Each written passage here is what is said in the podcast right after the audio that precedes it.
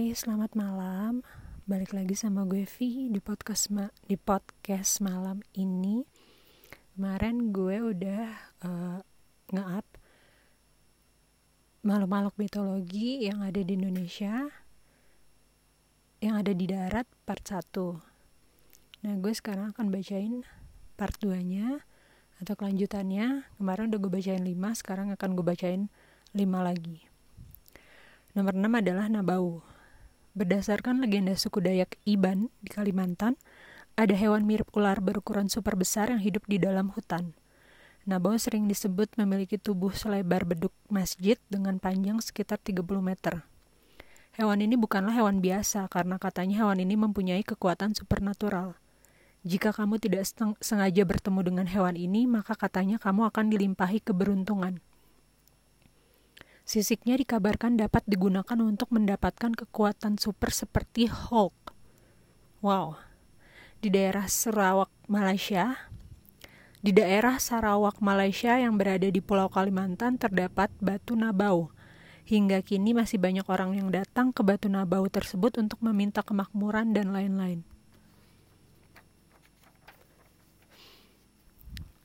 Yang ketujuh ada orang gadang. Orang gadang adalah makhluk mitos yang berasal dari Sumatera. Tingginya sekitar 12 meter. Makhluk ini sering disebut juga sebagai Bigfoot atau Yeti-nya Indonesia. Wow, gede banget ya, tinggi. Dari ratusan tahun lalu sudah banyak sekali laporan dari orang-orang yang sudah pernah bertemu dengan orang gadang. Walaupun bentuknya menyeramkan, namun ternyata makhluk ini berhati lembut atau tidak semenyeramkan bentuknya. Mereka memakan tumbuh-tumbuhan dan malu bila bertemu manusia. Karena itu mereka lebih sering keluar di malam hari. Dan yang kedelapan, ada orang pendek.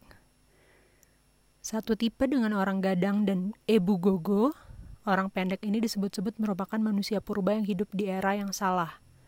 Bedanya orang pendek mungkin lebih dikenal orang-orang. Makhluk ini dikabarkan hidup di pedalaman hutan Taman Nasional Kerinci Sebelat, Sumatera. Tingginya hanya sekitar 90-150 cm dan tubuhnya dipenuhi bulu berwarna abu-abu, coklat, atau hitam. Seperti hewan primata lainnya, orang pendek termasuk pemakan segala. Mereka juga jalan dengan dua kaki seperti layaknya manusia. Orang pendek disebut-sebut memiliki kekuatan super yang dapat membuat mereka memotong sulu rotan dengan tangan kosong dan mereka juga dapat menarik atau mencabut pohon sampai ke akar-akarnya. Mungkin yang dimaksud pohon-pohon besar kali ya. Sampai saat ini pun masyarakat di Taman Nasional Kerinci Sebelat masih sering bertemu dengan orang pendek. Lalu yang kesembilan ada cigau.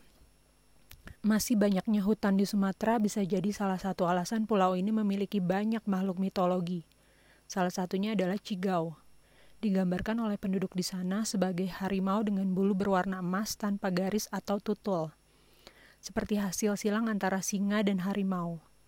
Badan dari cigau ini lebih kecil ukurannya dibanding harimau pada umumnya, namun makhluk ini lebih agresif dan tidak takut kepada manusia. Ekor cigau ini pendek, kaki depannya lebih panjang dibandingkan kaki belakangnya. Seorang kriptozoologis Kriptozoologis itu adalah orang yang mempelajari tentang keberadaan suatu makhluk yang berasal dari desas-desus atau cerita rakyat.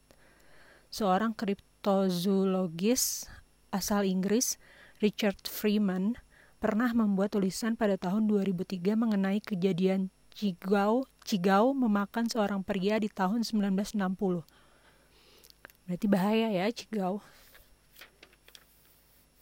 Dan yang terakhir yang gue search, yang gue google, ini adalah akar mimang.